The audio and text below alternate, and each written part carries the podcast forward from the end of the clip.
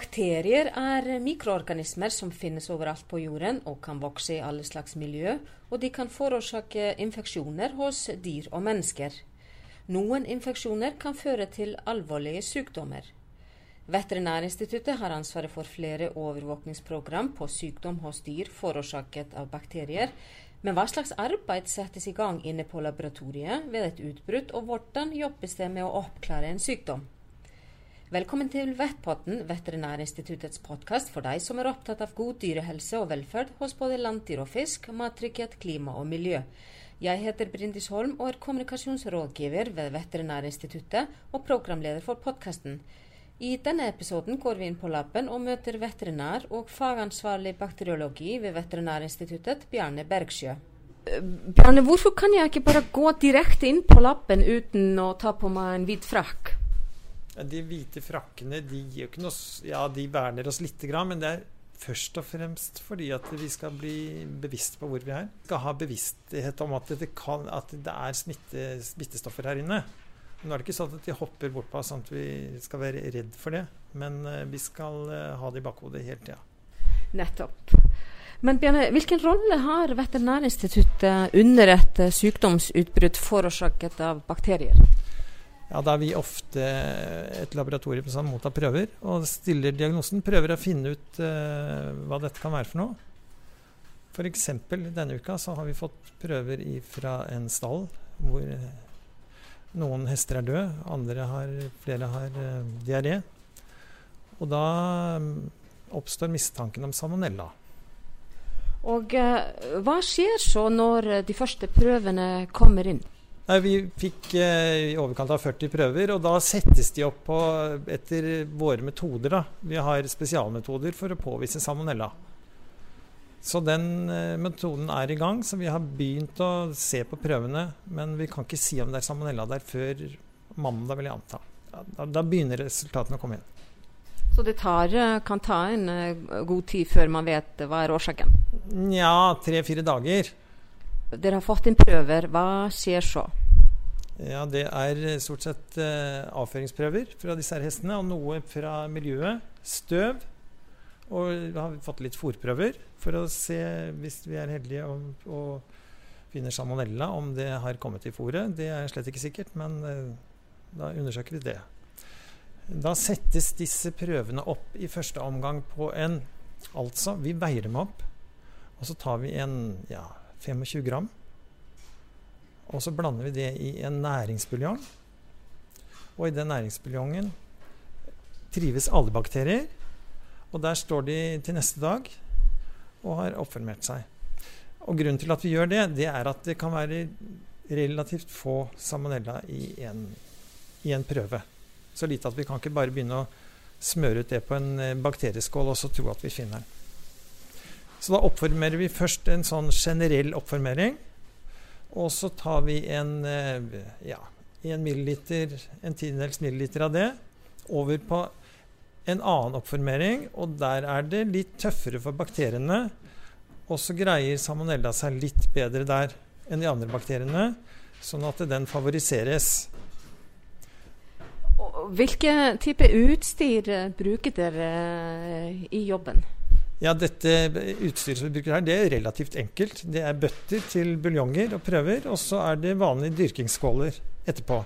Men det som er oppi der, det er jo altså dyrkingsmedier og sånn, det er ganske avanserte saker. Og det, da er det jo 100 års erfaring. Men, men, eh, det er jo veldig variert hva dere analyser og sånn. Men eh, er det stor forskjell på disse? Ja da. altså Det vi får, får i det daglige, det er jo, det er jo obduksjonsmateriale fra patologen. Eh, hvor vi får eh, materiale hvor patologene ser organforandringer. Og hvis de mener at dette her ligner på en bakterieinfeksjon, så får vi prøver der. Og dyrke fram det. Og så er det klinikker som sender oss, dyr, sender oss prøver fra syke dyr. Og det kan være alt fra urinprøver og øreverk og diaré. Og så kan det noen ganger Det mest dramatiske som vi, som vi får av og til, det er, er um, Hvis det dør et storfe ute på beite om sommeren, så kan det være miltbrann. Da skal det undersøkes for det. Da vil du få en blodprøve. Og i det tilfellet så kan man teoretisk sett stille diagnosen i løpet av noen timer. For da, kan vi, da vil vi farge den, lage et utstryk, som vi kaller det, på et stryket blodprøve på, en, på et lite objektsglass. Og så farger vi det på en bestemt måte og ser på det i mikroskopet. Og hvis det er miltbrann, så kan vi se det med en gang. Og hvordan, eh, hvordan, vet dere det at det er miltbrann, da? Nei, da, de, de, rett og slett har et veldig karakteristisk utseende. Og det er så typisk at man har lov til å si at det, dette er miltbrann. Men når det er sagt, så har vi ikke hatt noen sånne tilfeller på snart 30 år, heldigvis. Hvilke metoder bruker dere for å identifisere og karakterisere de forskjellige bakteriene?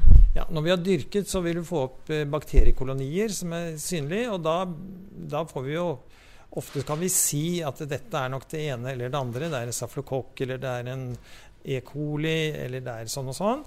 Eh, for å bekrefte det, så har vi nå en, et såkalt massespektrometer, da, som i løpet av eh, 20 minutter kan fortelle oss eh, navnet på, på, de fleste bakteriene. Og, og hvordan gjør systemet det?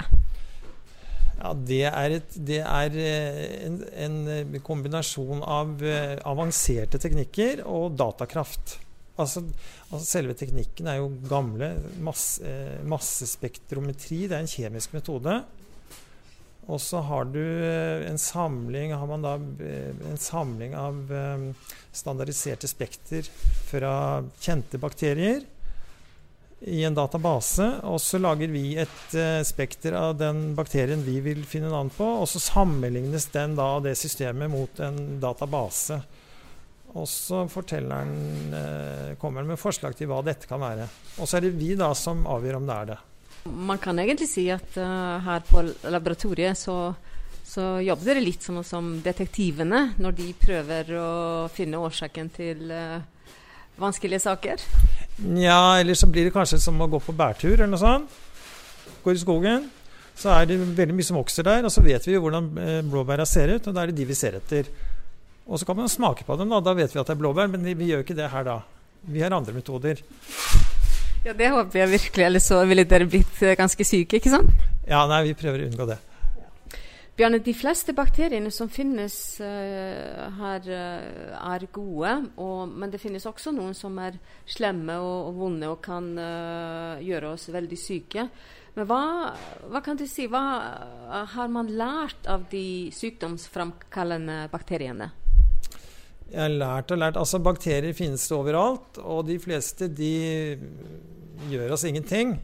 Og så er det noen som eh, gjør både oss og dyr da, noe.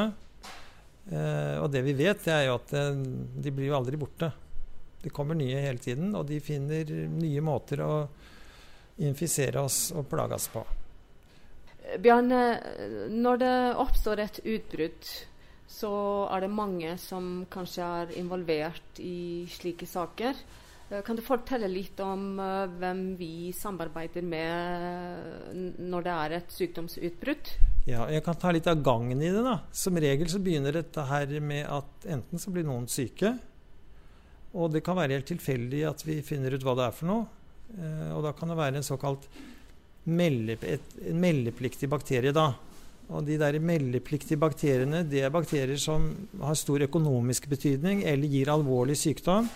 Først og fremst hos dyr, eller, eller så kan de smitte fra dyr til menneske. Eh, vi, er, vi er myndighetenes veterinære laboratorium. Eh, så hvis det er snakk om å oppklare, oppklare meldepliktige tilstander, så bruker myndighetene oss. Og myndigheten i dette tilfellet er Mattilsynet.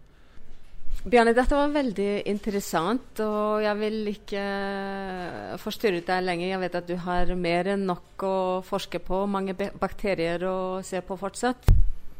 Ja, nå er vi spent på disse salmonellaprøvene vi har fått da. Tusen takk for samtalen. Takk. For mer informasjon om bakteriologi, se våre hjemmesider vettins.no. Og vi minner om at ny episode i Vettbotten kommer etter hvert.